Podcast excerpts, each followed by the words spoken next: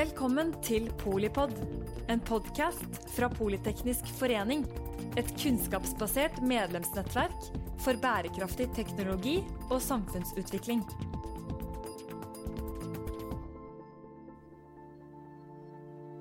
Velkommen til denne Polipod-episoden om eh, frihandel og forholdet mellom Norge og Kina. Spesielt fokus på teknologi. Og med oss eh, i studio så har vi Henning Christoffersen, som er eh, spesialrådgiver i The Governance Group. Du skal også fortelle oss om den rykende ferske rapporten som ligger her og, og oser av eh, både innsikt og inspirasjon om, om teknologi, økonomi, politikk osv. Og så har vi med oss Håkon Bryni, som er professor på Simula Center for Digital Engineering.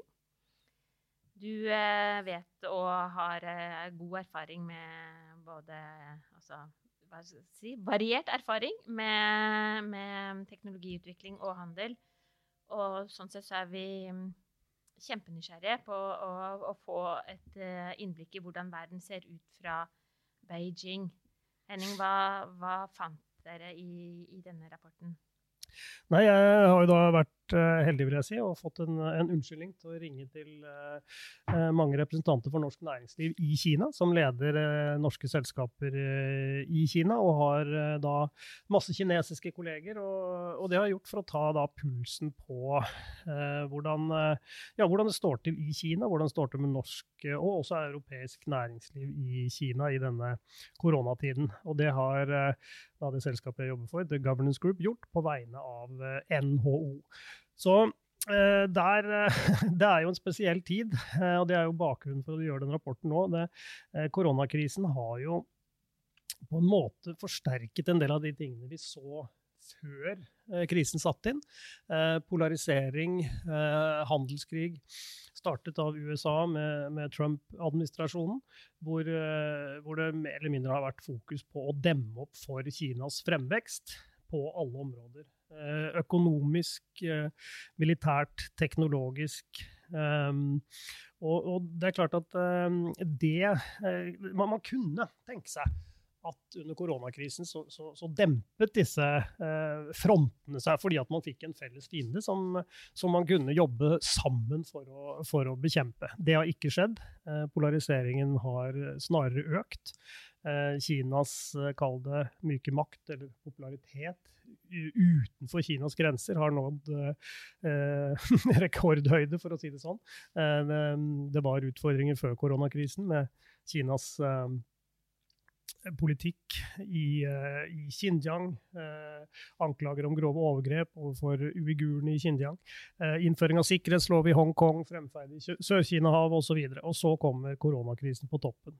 Så, og så er det jo det å si, og det, det sier også de fleste av de jeg intervjuer, eller egentlig alle de jeg har intervjuet i norsk næringsliv i Kina, sier at deres kinesiske kolleger og det de opplever og fornemmer i Kina, er at uh, kinesere uh, i stort sett er nå stolte av hvordan uh, Kina har håndtert koronakrisen. Og ikke minst er jo det forsterket av, av hva de ser i, i, av, av, hvordan europeiske land sliter fortsatt, og hvordan, ikke minst hvordan situasjonen er i, i USA.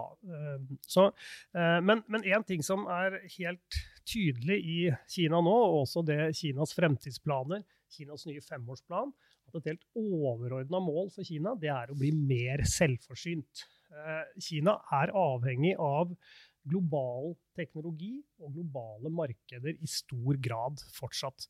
Eh, og Det er klart at det, det er jo en trussel fra Beijing-ståsted som også har blitt tydeligere under koronakrisen. Når internasjonale markeder sliter, så ser jo Kina at Eh, da er det en sårbarhet. Og så er det jo sånn til nå, under koronakrisen, så har Kinas eksport gått voldsomt opp. Fordi at verden har vært sulten og hatt et enormt behov for det Kina produserer. Det er medisiner, medisinske eh, hjelpemidler. Det er all mulig altså elektronikk og ting som vi trenger til hjemmekontorene våre osv. Så, videre, og så, så det er en koronadrevet eh, eksport også ut av Kina som har vært voldsom. Men det, det tydeliggjør også for Kina denne avhengigheten. Så, så det er egentlig en, en liten sånn pasning til eh, Håkon eh, her. Dette her med Kinas selvforsynthet. fordi at uh, denne handelskrigen som har pågått i, under Trumps tid, det er jeg tenker ofte at det er mer en teknologikrig enn en, en, en uh, handelskrig. Eh, og det, det, det, det, handler jo om at Kina fortsatt er til dels avhengig av kjerneteknologi fra utlandet. Og da først og fremst fra, fra USA. Så det er egentlig hvordan det kommer til å gå nå fremover, det er jeg mildt sagt spent på. Tradisjonen har jo vært eh, med åpen handel mellom landene, hvor man lager noe fint og selger det til et, til et, annet selskap, som integrerer det i et mer komplekst produkt og selger det videre. Og denne liksom, verdikjeden har vært helt avgjørende for, for teknologisk utvikling de siste 20-30 mm. årene.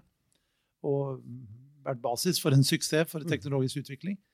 Eh, det med at um, kinesiske selskaper blir holdt utenfor teknologi, etter å ha kunnet utnyttet denne frihandelen på, på, i lang tid, og vært veldig flinke til det og blitt verdens fabrikk, det at det nå um, slår sprekker, og det blir um, boikott og eh, nekt i import av spesielt amerikansk teknologi eh, Det er jo særlig Intel og Qualcomm og Nvidia, Silinx Dette er nøkkelteknolog nøkkelteknologier. Ja, selvfølgelig også Google, mm. eh, Android-operativsystem. Men dette er selskaper amerikanske som leverer da, er dette mikroprosesser som vi trenger i våre mobiler? Og, eller hva? Ja, det er, særlig Intel er jo den mest brukte serverprosessoren. altså mm. Pentium-prosessoren, Xenon-prosessoren. Eh, Huawei har blitt nektet å lisensiere den, og også andre store kinesiske selskap som Sugon f.eks. Um, Enda mer viktig er nok ARM. og Det er en sånn litt interessant uh, problemstilling, for ARM er et engelsk selskap. Mm. Uh, kanskje et barn av BBC Micro, som, som BBC laget en gang. Uh, det er den mest suksessfulle mikroprosessoren i verden. Fins i alle mobiltelefoner. De lager jo bare en, en, såkalt IP, altså selve arkitekturen, selve designet for en mikroprosessor. Den produseres av såkalte fabber. Den, den fabrikasjonsselskapet som er mest brukt, heter TSMC. Fab, en fab, er det en fabrikk, en fabrikk for mikroprosessorer. Så TSMC for eksempel, er, eh, er, sammen med Intel og Samsung de tre liksom, powerhouse mm. of, of uh, semiconductor manufacturing. Uh, disse er jo ikke i Kina. Og det skaper noen utfordringer. Så kampen rundt ARM og også fabrikasjonen, spesielt TSMC, er veldig viktig i denne sammenhengen. Jeg har lyst til å bruke Huawei som et eksempel. Eh, Huawei var jo tidlig klar over at det ble uh, mulighet for boikott, og de tok en, tøft, tøff beslutning å lage sine egne prosessorer. Mm. Så de etablerte noe som heter High Silicon, som er deres datterselskap som lager mikroprosessorer, og de lisensierte ARM. ARM er da et engelsk selskap, Cambridge-basert, men ble kjøpt av japanske Softbank i denne prosessen. Så det var da et japansk selskap. Eh, Huawei laget da en mobilprosessor som heter Kirin, som eh, er nøkkelen i alle eh, avanserte Huawei-telefoner. Det er den viktigste komponenten, mm. sammen med et, eh, et mobilmodem, som, som, Huawei også utviklet selv. Så de var jo da uavhengige. Eh, og så utviklet de også, som ikke så mange vet, en, en serverprosessor som heter Taishan, som gjorde at også på serversiden altså det er massevis av servere i Huawei sine produkter, i alle switcher og rutere og i 5G-utstyr osv., så, videre, så utviklet de Taishan, som er en ARM-basert serverprosessor. Veldig kraftig prosessor, sånn at de da ikke lenger var avhengig av Intel. Men så skjedde det en interessant utvikling veldig nylig, hvor eh, ARM faktisk ble kjøpt av Nvidia. Nvidia er en av Intels konkurrenter i USA. Meget sterk eh, amerikansk GPU-leverandør, altså lager en grafikkchip sånn som du har i alle gaming-PC-er. Mm. De kjøpte nylig israelske Melanox, som er verdens beste nettverksselskap. Så med nå ARM i sin portefølje eh, eier de da verdens mest populære prosessorselskap. Så dette er Battle of the Giants, og dette er en veldig interessant teknologiutvikling da, som, som, jeg har hatt gleden av å følge veldig nøye. Et annet teknologiområde som jeg er veldig opptatt av, er dette med 5G. For 5G er på en måte, eller blir backbone, den digitale backbone av alle moderne samfunn. Det blir liksom, kan litt populært si, det nye internett. Mm. Se hvordan 4G og mobiltelefoni har endret livene våre de siste fem, mm. seks, syv, åtte, ti årene. Eh, og det skyter fart. Og 5G er liksom neste generasjons mobilnett. Og 5G, i motsetning til 4G, som kan si var en sånn telekomteknologi, så er 5G egentlig en stor datamaskin. Så 5G er eh, en, en, en, veldig stor distribuert datamaskin, som da strekker seg helt oppe fra tak og bygninger hvor, hvor 5G-basestasjoner blir installert, og via optiske kabler mm. inn mot mer sentrale såkalte edge-maskiner, og helt inn mot, mot sky og, og, mot sentrale, store datamaskiner. Så 5G er en stor datamaskin og er også helt avhengig av prosessorutvikling, i tillegg til radio- og modemteknologi, hvor, hvor Kina eh, for tiden eh, står veldig sterkt, spesielt pga. Huawei. Er, er, det eh, riktig å si at når det gjelder 5G, så er Huawei eh, mer eh, selvforsynt, mer selvstendig enn de er på mobiltelefonsiden? Er det ikke riktig å se på det akkurat sånn? Nei, du kan godt si det, men, men det er vel ingen, ingen 5G-leverandører er selvforsynt foreløpig. Fordi eh, det, dette er et superkomplisert økosystem med massevis av komponenter. Alt fra antenner til eh, keramikk til glass til aluminiumsbearbeiding. Dette er, er superkompliserte produkter. Bare hvis du har en gammel mobiltelefon som er gått i stykker, mm. ta og åpne den og se hva som er inni. Mm. Det er på en måte et lite et, et lite kosmos inni der med komponenter fra hele verden, hvor det, det beste av tysk eh, antenneteknologi og fransk glassteknologi Gorillaglasset Gorilla-glasset er en fransk. Ikke sant? Det beste Qualcomm-prosessoren, flotteste amerikanske mikroprosessoren og 5G-modem. Eller ja, kinesiske tilsvarende, eller, eller eh, sørkoreanske tilsvarende. Så det, det er komponenter fra hele verden. Og dette er jo på en måte et effekt av denne globaliseringen, hvor eh, alle kommer med sitt og prøver å, intenst å få selge det til et veldig attraktivt marked. Det lages jo nesten 1,5 milliard telefoner i året. Tenk på det. Så, så, så dette er jo et, et, globalt samarbeid. Mm.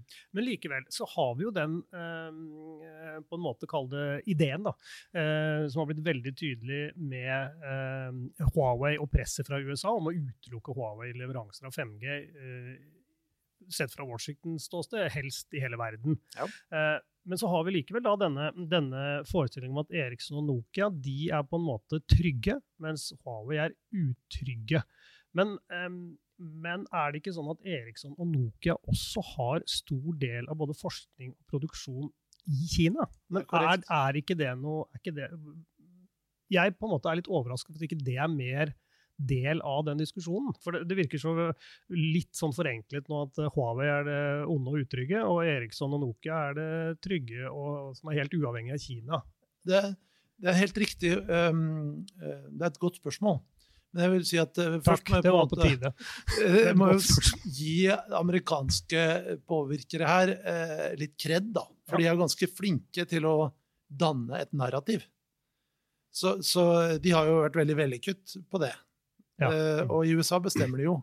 Men at de også får Europa med på det, og Canada og, og Australia med på det narrativet, og til dels bruker press, som å si at vi, vi dere ut av sikkerhetspolitisk samarbeid hvis dere kjøper Huawei osv. Det er ganske kraftig press. Eh, så, så jeg vil jo si, gi dem litt kred. De har fått til det ganske bra. Mm. Men eh, hvis man ser litt under det, og, og, og, og følger de, de, spørsmålene du hadde der, så er det helt klart både Eriksson og Nokia produserer i Kina. Sånn at det, det er eh, ikke alt, men viktige deler. Det er også forskning og utvikling der. Det er softwareutviklere. Og det er klart så komplekse systemer har eh, mange svakheter. Eh, dels, altså først og fremst svakheter som gjøres ved, ved, ved, dårlig design av kode, eller kan også være hardware, men særlig software. At det uten intensjon legges i en feil som gjør at du er sårbar. Men det kan også være uh, malicious code, eller altså bakdører som legges inn med vilje, de vil jo holdes fryktelig godt skjult. Og det er tilstrekkelig med én softwareingeniør for å legge inn en sånn bakdør. Det er klart, Sånne finnes det også. Men Sier du at vi er utrygge uansett? Ja, så det er en veldig viktig, viktig observasjon. Og som på en måte Ja, jeg kan stå inne for den. At, at uh, all digital infrastruktur er sårbar. Så det hjelper ikke å kjøpe fra Eriksson. Det er klart, det, det liker ikke Eriksson å høre, fordi de vil jo selvfølgelig være den trygge og gode mm, alternativet. Jeg støtter Eriksson. Jeg syns det er fantastisk med nordiske alternativer. I 5G-teknologien. Så jeg har dyp respekt for, for Eriksson og for, og for, um, for, Nokia. Og det er klart at det har noe å si med hvem som eier selskapet, som da setter retning og styrer. Mm. Men ikke noe IKT-selskap er usårbar for tro, utro tjenere. Og bare for å gi en teknisk forklaring av det Hvis du bare kompilerer inn et bitte lite bibliotek som innfører en eller annen eh, anonym liten funksjon, i det biblioteket så kan det legge, legges inn trojanere eller åpne dører. Så det ingen, ingen infrastruktur er, er, er, usårbar. Men selv om infrastrukturen er helt oppdatert og ikke har kjente feil, og ingen, ingen kommer seg inn i den, så hjelper ikke det heller. Fordi du kan jo bruke andre teknikker som alle verdens etterretningsorganisasjoner kjenner. Det er å lytte på radio, finne ut hva som skjer der. Bryte kryptering. Kan de alle sammen. Lytte på fiberkabler. Det er bare å bøye en fiberkabel mer enn 10% så fyker fotonene ut av kapslingen, og du kan fange opp hva som skjer der. Så det er en illusjon å tro at det er mulig å ha helt sikre IKT-systemer. Mm. Så jeg sier til barna mine og alle som hører på meg, har du noen virkelige hemmeligheter, så visk dem til din venn, og ikke betro dem til noen datamaskin. Men er det sånn nå at eh, Eriksson og Nokia, hvis jeg har forstått det riktig, så er det egentlig tre systemleverandører av 5G eh, globalt. Det eh, og det er Huawei, Eriksson og Nokia. Men er det sånn nå i den verden vi lever i, hvor, hvor teknologisk frakobling er mer enn teori? Det er jo en, noe som ses på som en mulig konsekvens av den polariseringen som vi har sett. Er det sånn at Eriksson og Nokia har som strategi å flytte da eh, virksomhet, produksjon, forskning ut av Kina? Er, er det er det noe de jobber med, og er det realistisk? Og da, som følge av, altså liksom I konsekvens av det, da, er, er en sånn teknologisk frakobling um, fremover Er det den veien som vi uunngåelig går? Det, det, vet ikke jeg, men du spørre dem om. Men, men, det er sikkert noen, noen krav om det fra, fra, vestlige, både fra europeiske og fra amerikanske uh, kunder, at vennligst produserer i, i, i, i Europa eller USA. Du, Trump hadde jo en veldig klar melding til Apple sin, sin sjef, Tim Cook, og sa kom igjen, produser iPhone i Amerika. Og da måtte jo Tim Cook fortelle at uh, det er ikke mulig. Det er ikke mulig å produsere en iPhone i USA. Det fins ikke uh, manufacturing capacity, heller ikke kunnskap. Fordi mm. det er uh, Vi har i altfor lang tid, tror jeg, eller i veldig lang tid, overlatt produksjon til, til Kina. Så kritisk kunnskap om bearbeiding av glass, om maskinering av aluminium og stål, om uh, kretskortproduksjon uh, uh, det, det, det, har bygget seg opp en, ikke bare en kunnskap, men også en kapasitet i Kina over en lang periode som verdensfabrikk. Som det tar mange år å, å gjenvinne i Europa eller i USA. Men det, det, vil nok skje. Også Europa har jo egne Eh, mikroprosessorinitiativ nå. Mm. Vil lage sin egen domestic CPU, eller europeisk mm. CPU, som bl.a. man snakker om å gjøre obligatorisk i alle, alle, biler som selges i Europa, for å lage et marked for en europeisk CPU. Eh, Atos, franske konglomeratet, har fått oppdrag å lage den. Sånn at eh, her er det en fortsatt teknologikamp. Og når det gjelder 5G, så vil det nok sikkert være mange nasjonale mm. sikkerhetskrav. Og det kan jo være viktig. altså det gir kontroll. Men, men, det er en illusjon å tro at å bare kjøpe fra Eriksson eller Nokia løser problemene. Det, du, må, du, må, beskytte informasjonen på veldig mange områder. Og det, det er ikke bare teknisk heller. Men jeg synes også det er interessant i forhold til det å være eh, mer selvforsynt teknologisk. Tim Cook, som er leder av Apple, var jo veldig tydelig på det i egentlig en veldig tidlig fase av korona. Når man tenkte nå, nå, går, nå, nå kollapser produksjonskapasiteten eh, i Kina. Selv, selv, da så var han veldig tydelig på det og sa at jo, med en sånn storstilt flytting av Apples produksjon ut av Kina, det er ikke realistisk. Eh, og Apple har jo prøvd, de, de, har jo noe produksjon i India, det er noe produksjon, de har jo, har jo hatt en strategi før koronaen om å flytte deler av produksjonen ut. Men likevel så er det Kina som er den store maskinen.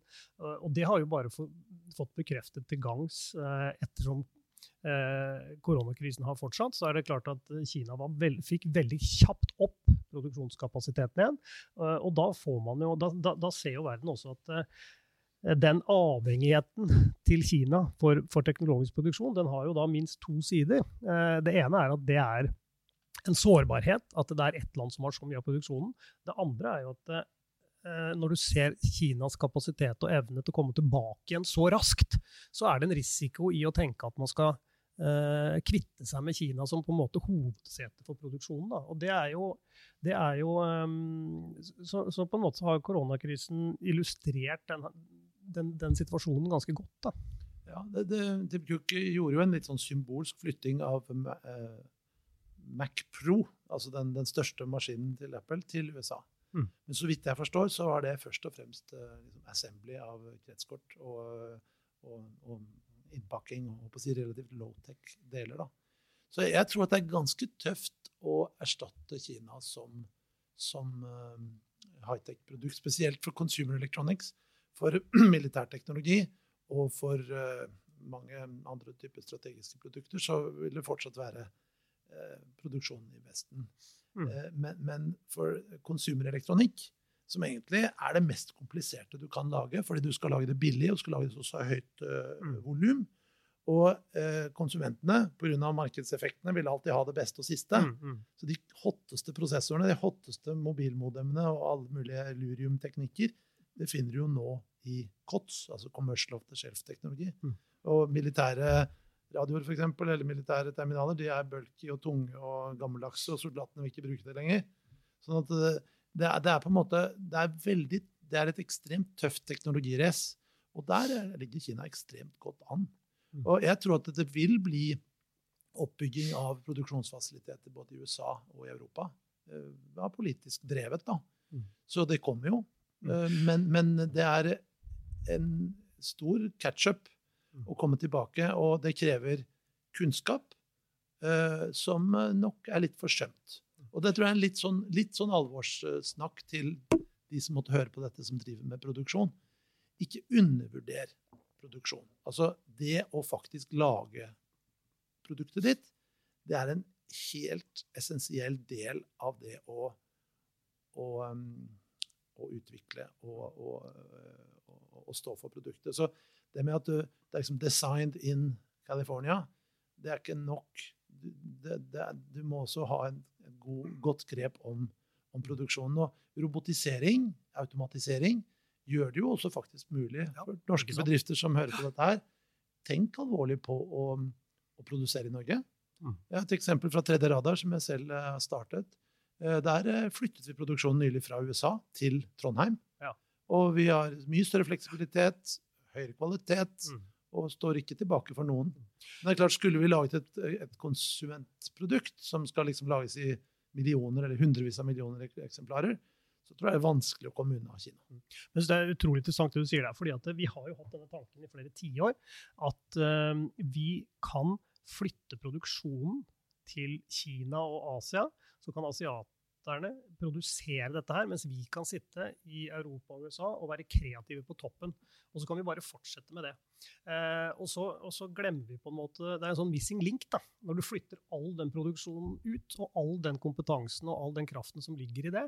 Og det å komme på da nye, eh, nye ting, at ikke det skulle ha noen sammenheng med at du produserer, det er jo er ikke det på mange måter en sånn, sånn naiv eh, holdning fra vår side, som, som, nesten også er litt sånn nedlatende overfor eh, den asiatiske delen av verden? For det er litt sånn, ja, det er produksjonsgreiene, det kan jo de holde på med, for de kommer jo aldri til å klare å finne på noe. Det er jo vi som er så smarte, så vi kan bare fortsette å finne på eh, ting. Og det er jo det er jo veldig fascinerende, for da du, nå går det jo ikke an å starte et eh, presidentløp i, i, USA uten å eh, skylde på Kina for eh, å ha stjålet eh, amerikanske arbeidsplasser og ødelagt eh, amerikansk økonomi. På en eller annen måte så må, så må alle være harde overfor Kina på disse, på disse områdene. Men, men, faktum er jo at det, det, jo det har jo vært en totalt frivillig øvelse de siste tiårene å flytte produksjon til Kina. Det har ikke bare vært frivillig, det har vært en helt aktiv strategi fra Europa og USA om å flytte produksjon til Kina. Eh, og det har vi jo tjent godt på. Eh, outsources produksjonen dit, og så kjøpte da kjøpt varene eh, billigere tilbake. og og også da flyttet all, all, problematikken ved produksjon, kan du også si. da, Forurensning og, og, og alt dette her. ikke sant? Men det er et eller annet som ikke vi har uh, fått med oss, hvor nå sitter, Kina da, uh, sitter med ganske mange uh, kort på hånden i den teknologiske utviklingen fremover. Da. Og, og, kanskje faktisk er nærmere å bli teknologisk selvforsynt. De mangler noe på mikroprosesser, de mangler noen kjerneteknologier, helt åpenbart, men fikser de det, så er de på en måte der. For de har komplett eh, Eller, eller eh, blir det for enkelt? Mange spørsmål her. Jeg tror vi starter med den, den store bildet der, med, med at um, den litt nedlatende holdningen med liksom, 'designed in the West, manufactured in the East'. Uh, jeg tror det, det er ingen tvil om at det har vært tilfellet. Men jeg tror at det faktisk er en strategisk tabbe, mm. hvis du ser det fra vestlig perspektiv. Og grunnen til det er at uh, produksjon er også en integrert del av innovasjonen. Eh, hvis det var eh, veldig enkle produkter som du eh, laget, du skulle lage murstein, og du fant ut at de skulle være firkantede og så, og så store, og så satte du det til en, en, fabrikk i Kina som laget det i stort volum, kanskje det er Kanskje det var, var, lurt, eh, selv om transportarbeidet og kanskje også det var noe innovasjon i prosessen der. Det er miljøkonsekvenser her og litt forskjellige ting. Men, ja, det det. men, men tenk, tenk, ta heller en, en, mm. en iPhone. Mm.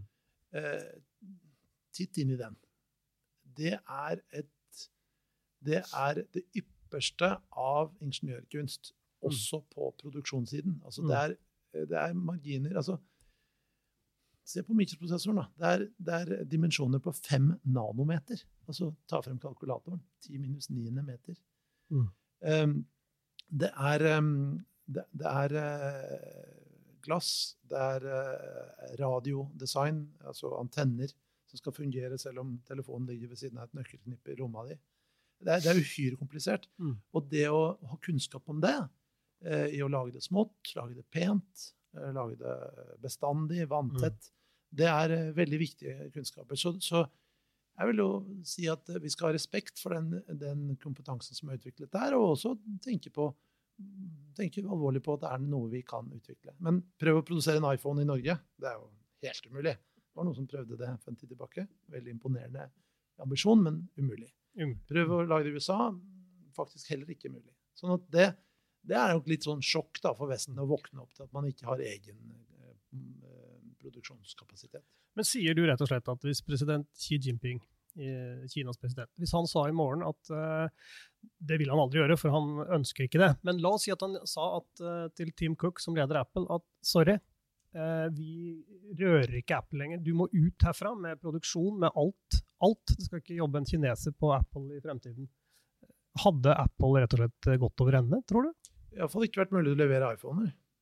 Så det er jo alvorlig. Og ikke iPader heller. Og ikke iBook, uh, Macbooker heller. Så det er på en måte relativt hardt slag mot Apple. Kina vil aldri gjøre det, for nei, de, er, de, de, tenker men, business. Men det er interessant i forhold til uh, den tanken om, om uh, selvforsynt. Men, men, det er ikke helt selvforsynt. Også Apple sine prosessorer mm. uh, de utvikles jo på TSMC, som er i Taiwan. Så Apple har jo et veldig avhengighet der. og ja. Apple sine, ja. sine skjermer eh, bruker gorillaglass fra, fra Frankrike. Ikke sant? Sånn jeg tror det er veldig viktig at vi, vi er jo et, et globalt samfunn. Mm. Eh, og vi har vokst opp, iallfall de siste eh, dekadene, mm. med det å selge til hverandre det beste vi har. Mm. Og i min verden så er det fornuftige ting å fortsette med. Men vi skal ikke være naive. Vi skal tenke på ok, er det noe av dette vi kunne gjøre selv. Kan vi sikre oss på noe forskjellig vis? Eh, men, men, det der med blokade og boikott, det syns jeg ikke noe særlig om. Men Kina har jo utnyttet det og på en måte skaffet seg et handelsoverskudd og en masse dollar Mm, mm. som de da kan bruke til eh, strategiske investeringer og slikt, som, som de nok har utnyttet mye bedre enn Vesten. Mm. Så, så jeg Vi skal ikke være naive, og vi må prøve å, å ha produksjonskapasitet fortsatt. Men jeg håper jo at politikerne våre, både i Vesten og i, i Asia, klarer å finne samarbeidsmåter hvor vi kan samhandle og løse globale problemer, som vi nettopp har hørt om, om, om miljøutvikling og om, om Mm. fred og andre viktige ting.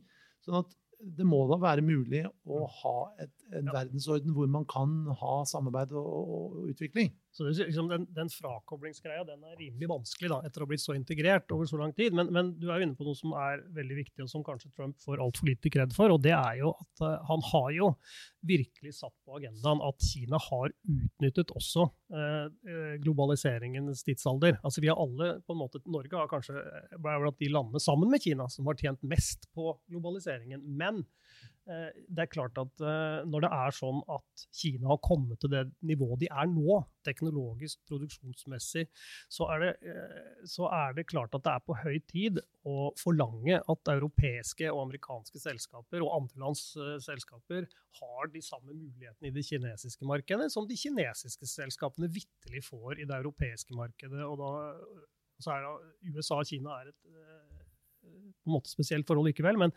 og der har jo også EU virkelig våknet de siste par årene og kjører en mye mye tøffere linje over, Istedenfor overfor Kina. frihandel så ber de nå om en investeringsavtale? Ja, for eksempel, ikke sant? Så, så, så det er jo helt uh, åpenbart, og, og Kina har sluppet lett unna i, i mange år. Så der, der skal vi vel gi Trump litt kred. Jo, og han har jo også stilt krav om det med respekt for intellektuelle rettigheter. Det er ikke noe tvil om at kine- mange kinesiske selskaper har tilegnet seg intellektuelle rettigheter uten Mm. å betale for det. Eh, og um, det har jeg personlig erfaring med. Så Mm. eh, jeg vil ikke anbefale å være naiv i møte med Kina. Men det kan du egentlig ikke være med i møte med amerikanske selskap heller. Jeg har også Mm. opplevd eh, intellektuelle rettigheter bli trampet på av amerikanske selskap. Så man må rett og slett ikke være naiv hvis man skal ut og selge norsk teknikk i utlandet. Mm. Og, og det, mm, det er vi vel ikke heller. Jeg tror tillit til at norske forretningsfolk eh, passer på sine rettigheter. eh, Og vet, altså vet litt om, om det. Kanskje mer naive enn andre. Men jeg, jeg tror vi, vi har muligheter, og, og det går an å selge norsk teknikk til, til, Mm. til Kina. Og det syns jeg vi skal gjøre. Og så tror jeg vi også må være klar over at de siste fire årene med Trump har jo gitt en enorm fuel til kinesisk teknologisk uavhengighetstenking. Ja, det er jo paradoksale her, ikke sant? Og der eh, har USA skutt seg i foten. Fordi um, finansiering til kinesiske initiativ for å lage f.eks. mikroprosessorer har jo skutt enormt i været de siste fire årene. Ja, Og det har jeg fått anledning til å uh, følge på tett hold, for jeg har arbeidet med supercomputing og med 5G i, i, i de siste ja, seks årene. Og øh, der er jeg klar over over 20 initiativ i Kina for såkalt domestic CPU. Og for, CPU, som er da ja, Central Processing Unit, som liksom er byggeklossen i all IKT-utstyr. Altså, Mm. Du kan ikke lage en, et datasystem eller dataprogram eller en datamaskin uten å ha en, en CPU, altså en mikroprosessor. Mm, mm. Og den kommer i mange innpakninger. Det kan være en GPU, en grafikkprosessor, eller en DSP, digital signalprosessor, eller en FPGA, en Field Programmable Gate Array. Det er liksom ulike innpakninger av, av prosesseringsteknikk. Men Kina gjør seg nå uavhengig av USA på det. Og det er veldig uheldig for amerikanske halvlederprodusenter. Så jeg er veldig glad jeg ikke jobber som selger for et amerikansk halvlederselskap i Kina i dag. De har det vanskelig. Mm, mm. Selvfølgelig vil det fortsatt være en viss, eh, et visst etterslep, og et, eh, det tar år å designe seg ut. Jeg var nylig på en, en konferanse eh, hos en kinesisk leverandør og så på avanserte eh, telekomprodukter. Og hver eneste produktsjef jeg snakket med, startet eh, presentasjonen av sitt produkt. Og forteller at det er eh, i dette produktet, sånn og sånn boks, så er det ikke lenger noen avhengighet til amerikansk teknologi. Mm. Ja. Og det forteller meg at Hvis ikke det er på plass, så er det ikke noe vits i å gå videre, liksom. titusenvis, om ikke hundretusenvis av ingeniører som har fått som jobb design ut amerikansk teknologi. Det er, det er uheldig for amerikansk eh, teknologi. Ja, altså hvis du tenker på, altså det, det for da disse amerikanske selskapene å ikke da kunne levere til det kinesiske markedet, er jo det er klart det er eh, voldsomt. Men det, det, bringer meg også over på en, på liksom en annen Én uh, ting er den, det teknologiske som du snakker om nå, men en annen ting er jo uh, kall det, om vi skal kalle det litt mer det, det myke som går på innhold, som går på app og så gå på hele det der uh, universet der, hvor, hvor, um, hvor, det også hvor, hvor du har f.eks. denne monster-appen WeChat, som du kan nesten ikke fungere i Kina. Du har WeChat selvfølgelig, og, og, og, bruker det med dine kinesiske kolleger. Alle kinesere bruker det. Så hvis f.eks. det skulle gå til de høyder at uh, at uh, Apple ikke skulle få lov å installere Ingen Apple-telefoner for eksempel, skulle ha WeChat. Da, da, er Apple ute av det kinesiske ja, markedet. Det, det så enkelt er det. det. det. er så enkelt er det. Så, og, og, motsatt vei så har jo Huawei allerede selvfølgelig fått store problemer. Hvis ikke du, hvis ikke du kan ha Google-universet, så, så, sliter de. Men ja, de er på en måte De har utvikla sin egen, men, men det er jo, her er det, dette er giant blows på tvers av, av, av kontinentene. Mm. Altså Eh, det å forby WeChat i USA, altså amerikanske kinesere, ja, ja, ja. Eh, de, de, eh, protesterer jo. Og de har saksøkt staten for å, for å forby WeChat. Så, så, det ødelegger jo deres forretningskontaktmuligheter. Men det er jo samtidig ingen tvil om at WeChat samler informasjon. Og det er ingen tvil om at kinesiske myndigheter har full innsikt i WeChat-kommunikasjon. Så slik at uh, du Det er ikke noe enkle svar her. Nei. Er, eh, og jeg har lyst til å si litt om Du nevnte applikasjoner og sånn. For det at, eh, at, Google ble nektet å lisensiere mm. eh, Android, og egentlig selve Android er faktisk open source og lisensiert bare av alle, men økosystemet oppå, som f.eks. Eh, Google Play, altså eh, AppStoren til Google, den eh, ble forbudt da. Og Google Maps, ikke sant? Mm. Gmail altså Du kan nesten ikke fungere uten Google Apps. Ikke sant? Du er avhengig av det. Du må kunne google ting, man må kunne slå opp noe, et kart. Så Google har vært ekstremt flink til å gjøre oss jeg googler i løpet av en dag, det har jeg ikke lyst til å vite engang. egentlig. Nei, sånn at du, Det at uh, de tjenestene ble tilgjengelige, tvang jo Huawei til å utvikle sitt eget Harmony OS, mm. uh, basert på Android, men da med sitt eget uh, applikasjonsunivers, hvor WeChat er bare én av mange mm mange viktige kinesiske applikasjoner. Men dette skyver jo det kinesiske markedet vekk fra Vesten. Og, og, og, og, vi har ingen Og så var jeg amerikansk etterretningsoffiser, hadde vært fortvilet. Endelig liksom fått kontroll med hele verdens befolkning, bruker vestlig operativsystem. Og så plutselig så er det noen folk som uh, oppfordrer mm. andre land til å lage sine egne. Mm. Det er dumt for, for etterretningen.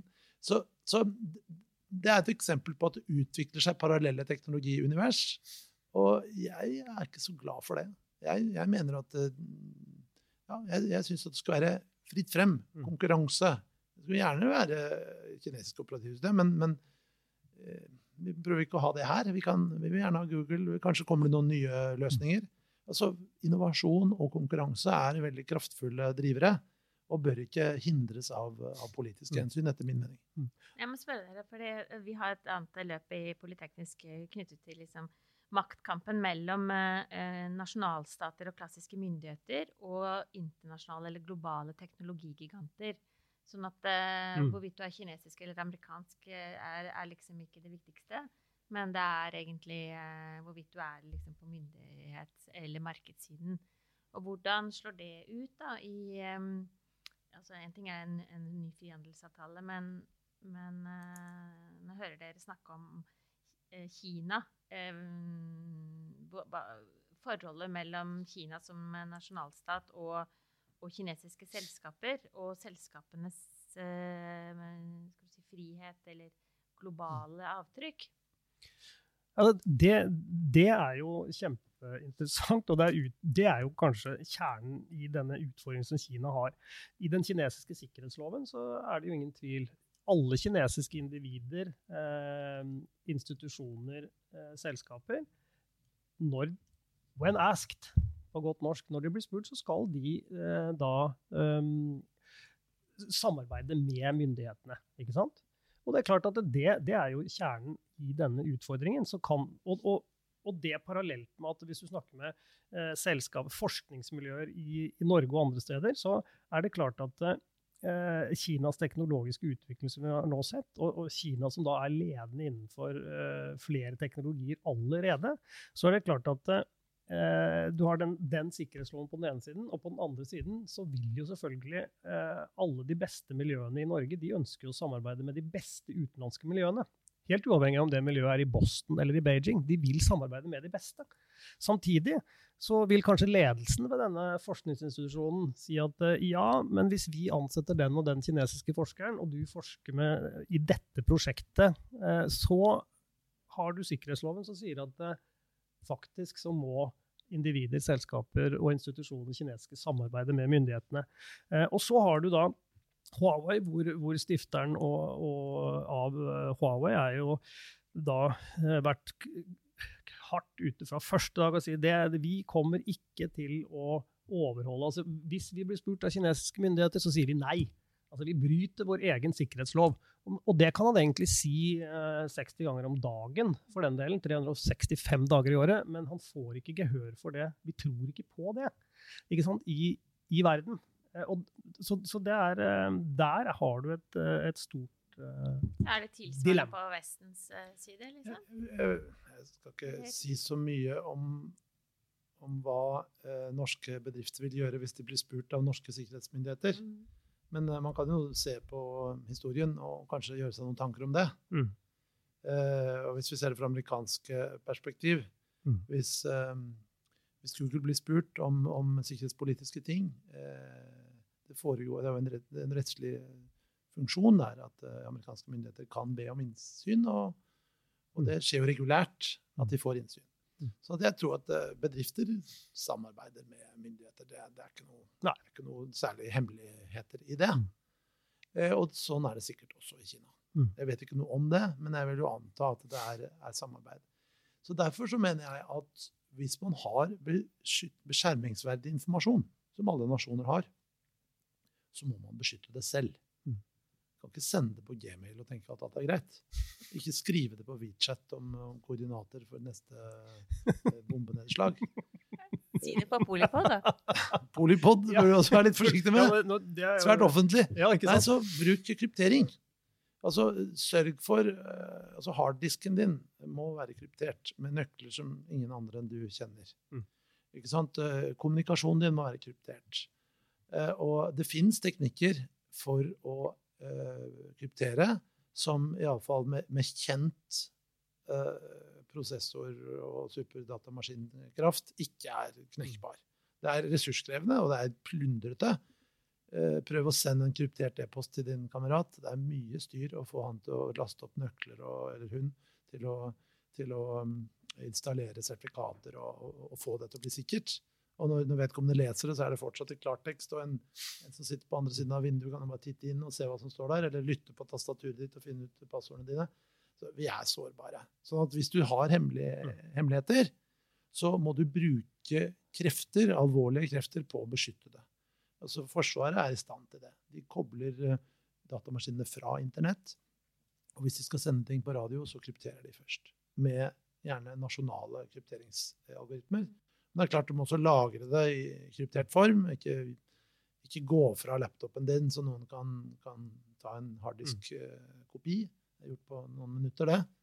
Eh, eller, eller, eller putte telefonen din, uh, God forbid, i, en, i, en, i, et offentlig ladested med en, med en lightning-plugg eller en, en USB-C-plugg. Uh, har du jo jeg skal, ikke, jeg skal, ikke, anklage Sporveien eller, eller, SAS for å prøve å spionere, men, men jeg bruker aldri de eh, ladepunktene. Men si sånn. Eh, dette er jo en eh, egen, ja, det, et var, eget tema ja, i seg selv, ja. altså, gutter. Men det du, det du, hvis jeg tolker deg riktig, så, så vil ikke du fraråde eh, de ypperste norske forskningsmiljøene å forske med kinesere og kinesiske miljøer, men du vil si at ta dine forholdsregler? Ja, Hører jeg deg riktig da? Jeg kan bruke meg selv som eksempel. Jeg har mange flotte kinesiske kolleger, både industrielt og, og, og akademisk. Jeg har et stor glede av å arbeide med dem. Jeg har dyp respekt for dem. Men det er klart, jeg snakker jo ikke om norske sikkerhetsinteresser der, og, jeg snakker heller ikke om mine egne hemmeligheter. Da, da, det holder jeg for meg selv. Og hvis det er teknologi, så prøver jeg å beskytte det med patentering. og eventuelt med hemmeligheter og baker inn i programvare som ikke er åpen. Så jeg er ikke naiv. Mm. Men jeg, jeg, er jo åpen for samarbeid. Jeg vil gjerne ha kinesiske kunder, jeg vil gjerne ha kinesiske kolleger, for det er flinke folk, hardtarbeidende folk. Og på samme måte, jeg har tatt deler av doktorgraden min i USA.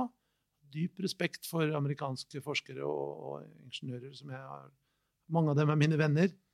Sånn at eh, det må være mulig å ha samarbeid, selv om man ikke forteller alle sine hemmeligheter. Det gjelder jo også i menneskelig sammenheng. Og så er det en grunnleggende verdi som jeg har um, som sitter dypt i meg. Jeg mener at alle mennesker er like mye verdt. Uavhengig av hudfarge, seksuell orientering eller eh, hvor de vokste opp. Alle mennesker er like mye verdt. Så jeg har dypest sett like mye respekt for en amerikansk ingeniør som en kinesisk ingeniør. Eller en helt annen yrkesgruppe, for den ja, saks skyld. Så lenge han er ingeniør, si. Nei da. Jeg, jeg, men, ja, Håkon, så må de være ingeniører. Det er helt klart. Jeg er antropolog, så jeg, er hårfint at jeg får lov å, å Nei, Det er helt uavhengig av utdanning også. Sånn at eh, den, den dype menneskelige um, verdien der, at alle mennesker er like mye verdt, mener jeg må guide vårt arbeid overalt. Men samtidig så må du ikke være naiv. Du må ikke tro at alle mennesker vil deg godt. Du kan gå ut i verden med en, med en, holdning om at alle mennesker er like mye verdt, men du må ikke være så naiv som å tro at alle vil deg det beste. De kan ha meninger om å tjene penger på deg eller utnytte deg eller være slemme for alt det du vet. Du må, du må, du må være forberedt. Du kan ikke gå ut i krigen med T-skjorte. Så, så, så, må være forberedt, men, men møte folk med respekt og, og med likeverd. Da. Det syns jeg iallfall er burde være krav. Det høres ut som uh, på en måte første bud i en sånn uh, kommende frihandelsavtale mellom, uh, mellom, Norge og Kina. Hvis den skulle på plass før jul, Neng, hva ville du legge til av innhold i den? Jeg likte godt det der bildet med, med på en måte samarbeid, men ikke i T-skjorta. Ja. Ikke, ikke, liksom være forberedt. Så, nei, jeg, jeg, jeg, tenker jo at vi overdriver ofte farene ved å uh, ha en frihandelsavtale. Altså, at det på en måte skal veve oss for langt inn i den kinesiske økonomien, eller det skal gjøre oss avhengig av kinesisk økonomi. Jeg, jeg tenker ikke sånn. Det er, det er, snarere en utfordring for norsk økonomi at vi ikke handler mer med Kina og mer med de voksne, sterkt voksne markedene i Asia. Så uh, det er sånn at 5 cirka, av fastlandseksporten vår går til Kina. 3% av lakseeksporten går eh, til Kina. Blir, laksen blir ofte trukket frem som at vi liksom kaster verdiene på båten for å få solgt denne laksen vår, men, men det er jo faktisk ikke noe realisme i, i det. Um, så, så, eh, jeg tenker at den, den, asiatiske avtalen som ble undertegna nå, en gigantisk avtale som uh, faktisk innbefatter 15 land og representerer da 30% av klodens befolkning, er Eh, så måte interessant. Der har du land som Japan og Australia. Eh, Australia som har ligget i en konflikt med Kina i, i lang tid. Eh, og, og, australske politiske ledere er knallharde i sin kritikk av Beijing og Kina. Eh, samtidig så er de med i denne avtalen som er drevet frem av Beijing. Så vi må handle med Kina framover, og vi må forholde oss til Kina. For, og vi må forske med kinesere. Skal vi løse liksom klodens store store problemer, om det er global fattigdom, miljø, klima, eh, helse for den delen, så, så, må vi samarbeide med Kina. Så, så hvis vi ikke lager en frihandelsavtale, som da vi forhåpentligvis, det er jo poenget her, skaper mer forutsigbarhet for norsk næringsliv eh, i Kina. Hvis vi ikke gjør det, så straffer vi egentlig bare norsk industri og norske selskaper. Eh, det, vi, vi, det gjør Kina, om de ikke får en frihandelsavtale med Norge, det har ingen, ingen betydning i, i, så måte. Så det er et rart signal å på en måte si til norske selskaper og norsk næringsliv at vi skal øke eksporten, og dere må gjerne handle med Kina, men vi skal ikke prøve å gi dere de beste betingelsene for å få gjort det. Så så jeg tenker at um, dette med mer forutsigbarhet i handelen, bedre rammebetingelser, det er også det som norske selskaper i Kina, i de intervjuene jeg har gjort, det, det er det som er viktigst for dem ved en sånn type frihandelsavtale. Og så må jo de som forhandler den, gjøre jobben sin. da. Og ikke da, komme i de forhandlingene med T-skjorta. De må være forberedt, og de må gjøre en skikkelig jobb i forhandlingene. Får vi en for dårlig avtale, så skal vi ikke ha noen avtale. Tusen takk, eh, Henning Christoffersen, spesialrådgiver i The Governance Group, som da har gitt oss eh, highlights fra dagens ferske rapport på vegne av NHO. Tusen takk til Håkon Bryni, professor ved Simula Senter for Digital Engineering, som både hadde praktiske og, og jeg vil si prinsipielle um, inspirasjoner å, å, dele med oss. Mitt navn er Mette Vågnes Eriksen. Jeg er generalsekretær her i Politeknisk forening. Vil si tusen takk til deg som uh, lytter. Nå har du, uh, om ikke annet, uh, et klart bilde av at du bærer et univers i din egen lomme, enten det er på telefonen din eller eller headsetet du hører Polipod gjennom.